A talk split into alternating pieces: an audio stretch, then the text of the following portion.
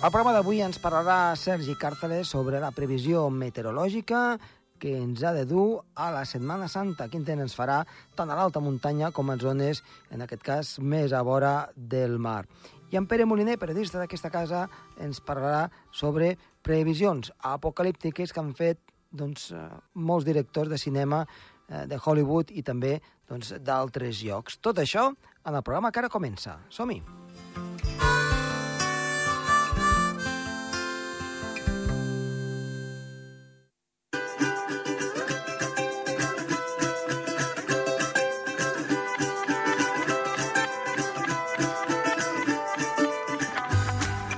Ja estem a les portes de Setmana Santa i tenim el nostre amic i company, en Sergi Càrceles. Sergi, bona tarda. Molt bona tarda. Doncs a veure, avui dijous eh, parlarem, si et sembla, fem una mica de repàs del que ens podem trobar des del punt de vista meteorològic al Pirineu i fora del Pirineu fins dilluns de Pasqua. Doncs bé, la dinàmica s'anirà tranquil·litzant. Realment serà una, serà una època on es podrà gaudir de les vacances de Setmana Santa, sobretot a la zona del Pirineu, encara que hem tingut doncs, aquest ambient ennuvolat i fins i tot amb alguns ruixats i algunes nevades dèbils a la zona del Pirineu, aquesta dinàmica ja canviarà, sobretot a partir de divendres per la tarda i sobretot dissabte pel matí, amb molt més de sol. Una cosa a destacar és que les temperatures eh, aniran eh, augmentant. S'esperen unes màximes, per exemple, a Andorra la Vella, que poden arribar als 18-19 graus. Estem parlant, sobretot, en els moments eh, del migdia, quan el sol doncs, pica més de valent. Les mínimes, això sí, seguiran sent fresques, rondant aproximadament als 4-5 graus. I és que com tindrem aquest ambient doncs, molt més serè, farà que les nits puguin refrescar uh -huh. eh, una, mica, una miqueta més. Però bé, també cal destacar tota aquesta gent que vagi a la muntanya a fer doncs, excursions a muntanya o de gaudir de la neu que hi hagi pel Pirineu, doncs no farà gaire vent, cosa que això també favorirà bastant doncs, a, a que es pugui gaudir d'aquestes eh, vacances, tota aquesta gent que pot gaudir, i eh, doncs, eh, podrem gaudir també per la zona de la península ibèrica. Ja ens haurà passat tots aquests fronts, tota aquesta, aquesta borrasca, la borrasca Evelyn, que a nosaltres mm, ens ha passat molt desapercebuda perquè ja ha arribat molt desgastada aquesta borrasca que sí que ha afectat a altres, a altres parts de la península ibèrica, com per exemple Galícia, però bé, aquí molts núvols i tampoc gaires eh, precipitacions en aquest cas. Doncs molt bé, Sergi, que acabes de passar unes eh, bones jornades de vacances. Igualment, gaudiu tots. Adéu-siau. Adéu.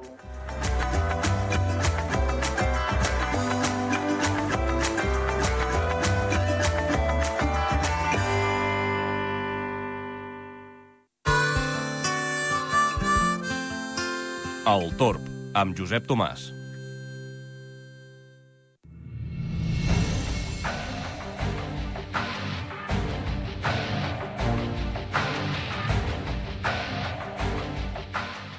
Doncs en el programa d'avui tenim el nostre company amic, eh, periodista de la casa, en Pere Moliner. Pere, molt bona tarda. Bona tarda. Eh, vam parlar fa unes setmanes del que podia passar si hi havia doncs, una guerra nuclear, vam fer una miqueta de broma dintre de la seriositat, i avui doncs, volem parlar una mica doncs, de, de temes que doncs, poden afectar al medi ambient, que poden afectar a l'atmosfera i que es poden afectar a nosaltres, a la raça humana. Parlarem de possibles futurs veure, aquesta paraula pot ser una mica eh, així fora de to, però apocalíptics. Eh, no és així, Pere? Sí, però anem a fer-ho d'una manera una mica més eh, interessant i divertida, perquè em limitaré a explicar futurs eh, apocalíptics i... És a dir, com nosaltres hem fet aquestes previsions, sobretot basant-nos pràcticament exclusivament en ficcions comercials de Hollywood. Uh -huh. Quin és el motiu? Doncs perquè seran molt més conegudes i potser més interessants i sobretot perquè ens permetiran, permetran reflexionar una mica més sobre com eh, allò que em deien, què passarà amb una guerra nuclear? Bé, això ja s'ha reflexionat uh -huh. moltes vegades. Sí. Ja s'ha reflexionat i de forma més seriosa i tal. Però sí, com ara començo a explicar, expliquem algunes, algunes pel·lícules, veurem quines són els missatges eh, que podem veure. Però eh, tinc que dir una cosa, eh? Um, a veure, tot i que això doncs, sigui una mica de ciència ficció, el que estem fent avui, eh, moltes vegades el que hem vist en la realitat ha superat el que han fet les pel·lícules de Hollywood, a no ser que veritablement estigui molt fora de lloc. Mm, sí, però vols que et digui una cosa? Recordo allò que ja vaig explicar en aquest micro fa uns mesos.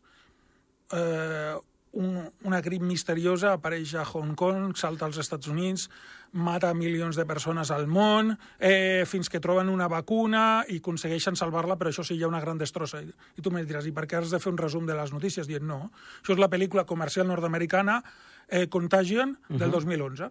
Exacte, ni més ni menys. Ni més ni menys. Uh -huh. Per tant, eh, moltes de les previsions que hi ha autèntiques borrades és evident, però predir el futur o fer aquests, aquests exercicis doncs té, té, té el seu interès. Uh -huh. eh, per exemple... Clar, perquè és des, de, des del punt de vista... A veure, ara estem fent una mica doncs, de broma, farem aquí doncs, una miqueta de, de, doncs, de, de veure què és el que pot passar, però sempre des del punt de vista científic, està clar. Eh, és que, bàsicament, la, la ciència-ficció i la ciència són pràcticament dos germanes bessones. El segon llibre de ciència-ficció de Wells, Uh, no, de fet, el primer, el segon és la, la Guerra dels Mons, és la màquina del temps. I la màquina del temps ja comença com una ficció apocalíptica. L'home, l'inventor, recordem-ho, viatja l'any 800.000 o alguna cosa així i es descobreix que hi ha una... Doncs això, que la raça humana s'ha convertit en uns micos que no tenen massa de sentiment i en uns mostres que són a les cavernes. Què ha passat? Doncs és una paràbola molt clara del que era la Anglaterra victoriana del segle XIX. Uh -huh. És a dir, els, eh, llavors eh, especulava en que els pobres seguirien, serien intel·ligents però s'haurien eh, convertit en tan malignes que esclavitzarien i s'hauria tornat la troca eh, als descendents de la classe alta. Uh -huh. eh, com, com per exemple la segona novel·la, la de la Guerra dels Mons, no deixa de ser una paràbola de que els marcians dolents no deixaven de fer a Anglaterra el mateix que Anglaterra i altres països estaven fent a l'Àfrica. Moltes vegades no deixa de ser, la ciència-ficció no deixa de ser una paràbola, eh, acostuma a ser una paràbola del que... De la realitat, no? Del, del que, de la realitat. És a dir, la previsió... Eh, H.G. Wells, en el cas de la previsió apocalíptica, deia tenia por de com acabarien convertint-se les dues nacions a, Anglaterra, és a dir, la nació dels rics i la resta de, dels pobres, i que hi hauria una lluita final, no socialista, sinó una lluita final en què s'acabarien uns en mostres i uns altres en humans normals però bastant atontats. Eh, això no deixa de ser... Aquests futurs apocalíptics no deixen de ser, en realitat no deixen de ser... Eh, amb l'excusa de la ciència-ficció, eh, estàs parlant del present. És a dir, si tal tendència continua, mm, pot passar això. Eh, un dels futurs apocalíptics, que també ha tingut pel·lícula, és el de Un món feliç. Què és un món feliç? Doncs la, el capitalisme ha triomfat, hi ha una droga que ens fa feliços però també ens treu la, la voluntat pròpia, però no hi ha... És a dir, no hi ha, és a dir, no hi ha dolor, no hi ha, només hi ha plaer. És això el que volem? És a dir, no hi ha una, no és, una, és una dictadura del, del bon rotllo, per entendre'ns. Uh -huh. Clar, estava escrita el 1932, és pràcticament apocalíptic, si tu vols, eh, si penses en les situacions humanes, però era bastant perfectament previsible. I això s'ha vist més, aquestes ficcions. També hi ha ficcions en què, mm, que tracten de, de les coses bones, no? futurs més o menys. Per exemple, Star Trek és, és quasi meravellós, no? el que descriu la raça humana, sí, té els seus problemes, però hi ha hagut molts avenços. Però potser és més interessant i les persones són més donades a conèixer quan les ficcions són apocalíptiques. Per què? Doncs perquè es barreja una mica la... allò de l'avís amb la... les tendències que pot haver-hi. Per exemple, als anys 60-70 hi havia la por de que la superpoblació podria destruir la raça humana. Doncs es va fer una de les pel·lícules basada en novel·la, també de ciència ficció, Soylent Green, que en castellà es va traduir com hasta que el futur no s'alcance o alguna cosa així. Bàsicament era una mena de thriller ambientat al 2022. Eh, recordem, és de fa 50 anys, en la qual és de, bàsicament, és, eh, davant d'un futur ple de contaminació, i que cada vegada hi ha més problemes, doncs s'ha descobert una manera de, de donar menjar. I quina és aquest, aquesta font de menjar? Els cadàvers. És això el que volem per la raça humana? Menjar de cadàvers i a més les mentides? Doncs això és el que ens avisava Soylent Green. Però el meu preferit són, evidentment, les guerres nuclears. Eh, hi ha pel·lícules eh, una mica serioses, és a dir, bueno, serioses, en el sentit de que tenen com el del dia després, uh -huh. que era quasi un documental, que passaria, crec que era a Kansas City, eh, un, esclata una guerra nuclear i en què es va veient la degradació, una pel·lícula anglesa que era molt similar, però les ficcions basades en futurs apocalíptics després d'una guerra nuclear per mi són, són ideals, són ideals com a entreteniment. Podria parlar una d'elles de la primera del Planeta dels Simis, amb el millor final de la història del cinema i probablement de la literatura que hi ha, que és quan l'astronauta que ha anat un, a un planeta estranger descobreix que en realitat no s'ha mogut de la Terra quan veu l'estàtua de la llibertat i descobreix que, que hi ha hagut una guerra nuclear i que els simis ens han clar, els homes ens hem destruït a nosaltres mateixos i que ara la raça superior són els simis. Com ha estat possible? Doncs perquè els homes ens hem autodestruït i no hem sapigut valorar aquesta tendència. Aquesta és la, la lliçó interessant. Uh, una molt més interessant encara, a mi m'agradava més, durant els anys 50 als Estats Units es va fer una mena de submoda, bastant patètica, que, però amb, un, amb una excepció, que és la que vaig a dir ara. Era, jo vaig ser un home llop adolescent, jo vaig ser un vampir adolescent, i jo vaig ser un cavernícola adolescent. Va, era les aventures d'un cavernícola en un món estrany que semblava primitiu, però al final descobreixes que aquest home, que aquest no, és, no està explicant la història d'un cavernícola, sinó que està explicant la d'un successor de la, dels nostres temps, que ha estat, eh, és a dir, que el que, el que ens ha seguit precisament a una guerra nuclear uh -huh. ha estat precisament això, cavernícoles. Tornar, tornar... tornar a les cavernes i ho descobreixes al final. Penses que has estat veient una història cavernícola no molt interessant, per cert, i, i al final desco descobreixes que el que has estat veient és una guerra, els resultats d'una guerra nuclear. Eh, aquest simbolisme és interessant. Per què? Perquè ens, torno a dir-ho, perquè ens, ens adverteix de possibles perills. Una de la part de la propaganda que es va fer contra la instal·lació de míssils nuclears als anys 80 a Europa Occidental va ser simplement... Jo vaig assistir de petit. Era la, la pel·lícula de Hollywood aquesta del dia de després. Deia, per què? Pues perquè la gent veiéssim què podia passar si existia.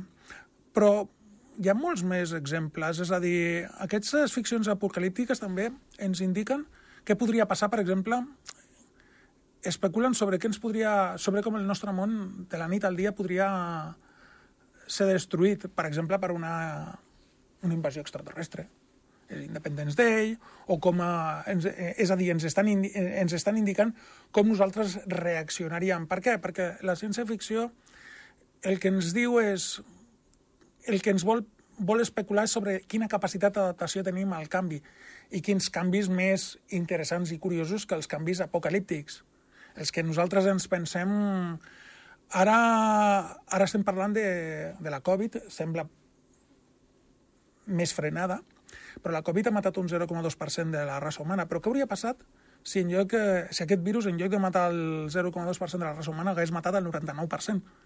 Doncs hi ha ficcions que ja han especulat. No, no contagien, contagien és relativament realista. Uh -huh. Per exemple, després van fer una... Després de les pel·lícules inicials del Planeta dels Simis van fer una nova trilogia fa una dècada, dècada i mitja. Bueno, especulava sobre què podria passar sobre els límits que té la investigació científica. Recordem, un, un científic que fa investigació sobre com prevenir l'Alzheimer que té el seu pare, doncs descobreix que no, que no atura l'Alzheimer, però que aquesta, aquest virus té dues propietats triplica la intel·ligència dels simis, perquè fan proves amb simis, i els humans els mata el 99% i a la resta els deixa muts.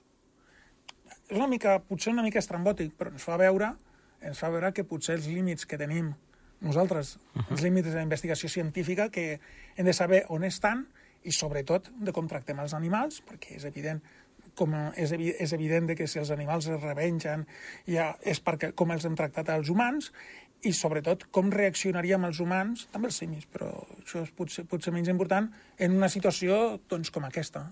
Tornar-nos muts, veient que el nostre món s'enfonsa, o veient que hi ha eh, els simis que abans pensaves que eren unes joguines o uns animalets, uns bitxos eh, que estaven allà a la selva, poden ser els nostres competidors. Com reaccionem? En el cas d'aquesta trilogia la resposta és fatal, molt malament. Uh -huh. eh, quasi extinció. Eh, però poden haver altres respostes molt més optimistes. o com reaccionarien davant de canvis climàtics sobtats. És evident que les pel·lícules del dia del demà o 2012, eh, en què hi ha canvis pff, canvi climàtic és, Apocalíptics, no? és apocalíptic Sí, i, i en tres setmanes és molt poc realista, però, però, però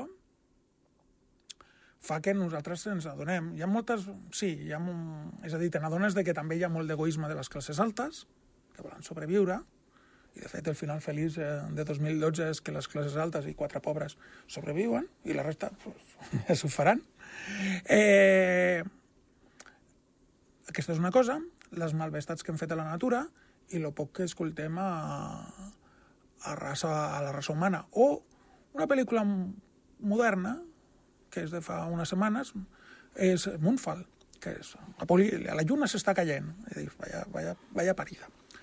Però és, no és tan bèstia com sembla, eh? simplement s'està caient perquè en realitat és una construcció artificial, anem a dir-la més grossa encara, d'intel·ligències eh, artificials, algunes ha malignes, ha intel·ligències benignes, i et deixa, et fa plantejar dues preguntes. Una, què estem fent amb la intel·ligència artificial? Perquè poden crear monstres o ajudants, com a la pel·lícula. Dos, com si hi ha un canvi climàtic tan bestial com que la lluna s'està caient a trossos i els primers efectes, com, com reaccionaríem? Seríem, seríem uns lladres? Seríem uns, seríem uns assassins? Seríem uns herois? Bé, jo, jo el que sí puc dir és que, per exemple, tenim un cas um, real que és, uh, és doncs, com la vida mateixa, no? Amb el que tu estàs dient, com seríem, no? El que està passant a, a Ucrània. Um, gent que, com tu com jo, normal i corrent, doncs, que tenen el seu treball i que un dia per l'altre doncs, eh, han de marxar perquè estan borbandejant, eh, han de fugir o s'han d'incorpor- d'incorporar a files i a millor la seva casa doncs, eh, està en ruïnes perquè està en un lloc doncs, eh, que és, és, és un objectiu i com actua la gent doncs, eh, hem anat veient imatges com actuen, no?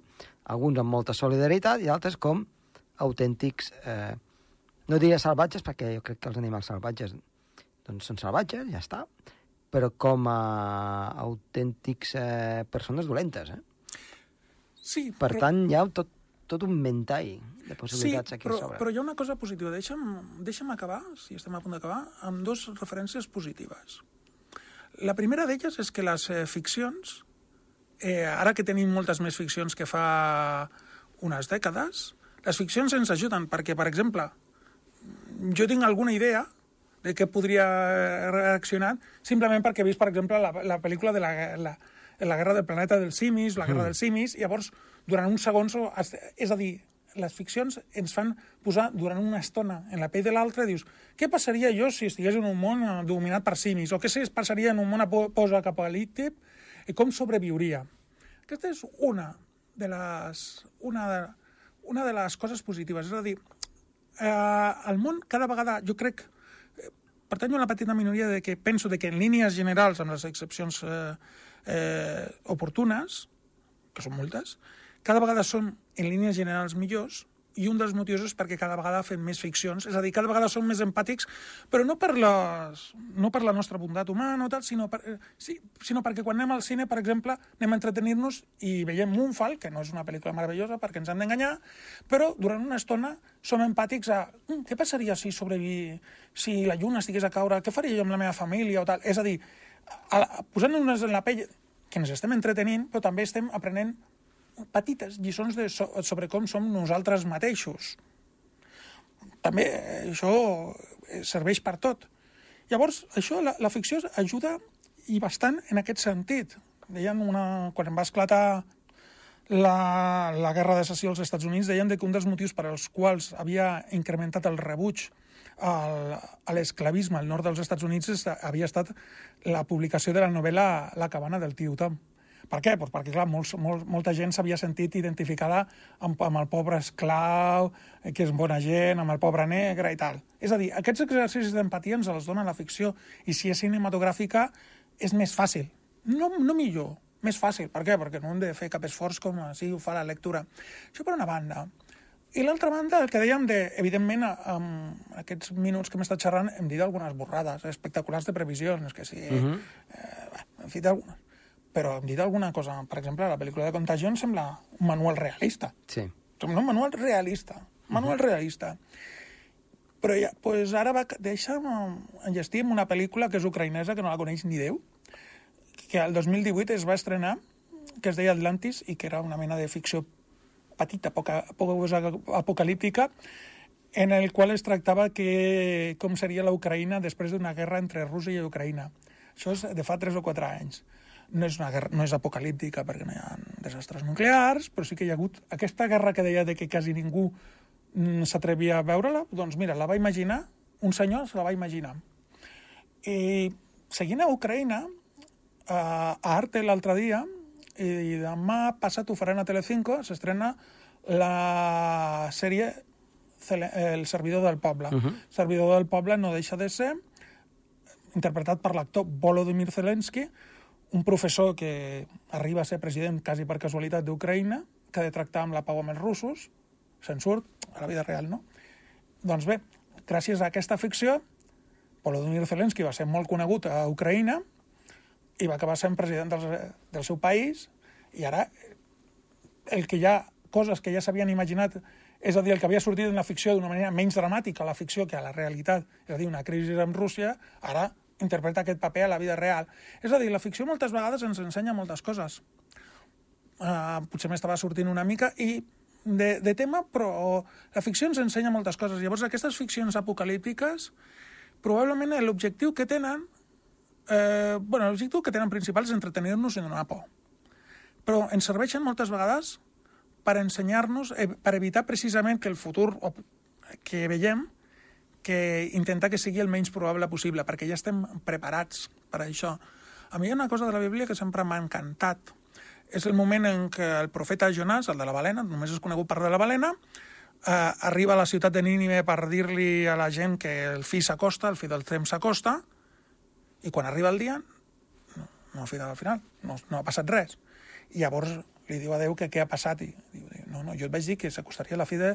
Sí, no se'n se penedien, però t'ha costat molta gent i l'opinió de la majoria de la gent ha canviat i, per tant, ja no fa falta aquest apocalipsis. Doncs jo crec que aquesta és una de les lliçons que, uh -huh. que hem d'aprendre.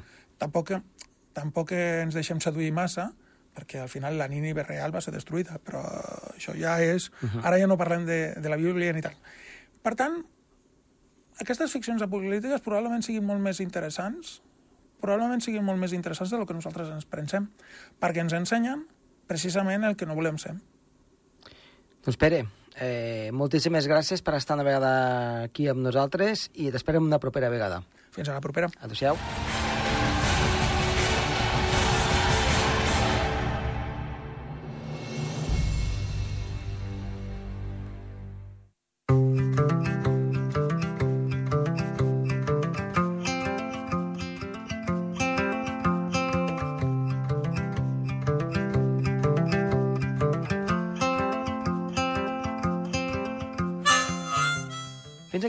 D'avui. Esperem que els hi hagi agradat. Està de les vies de so, Toni Escur, i que els ha parlat amb molt de gust. Josep Tomàs Bosch. Adéu-siau.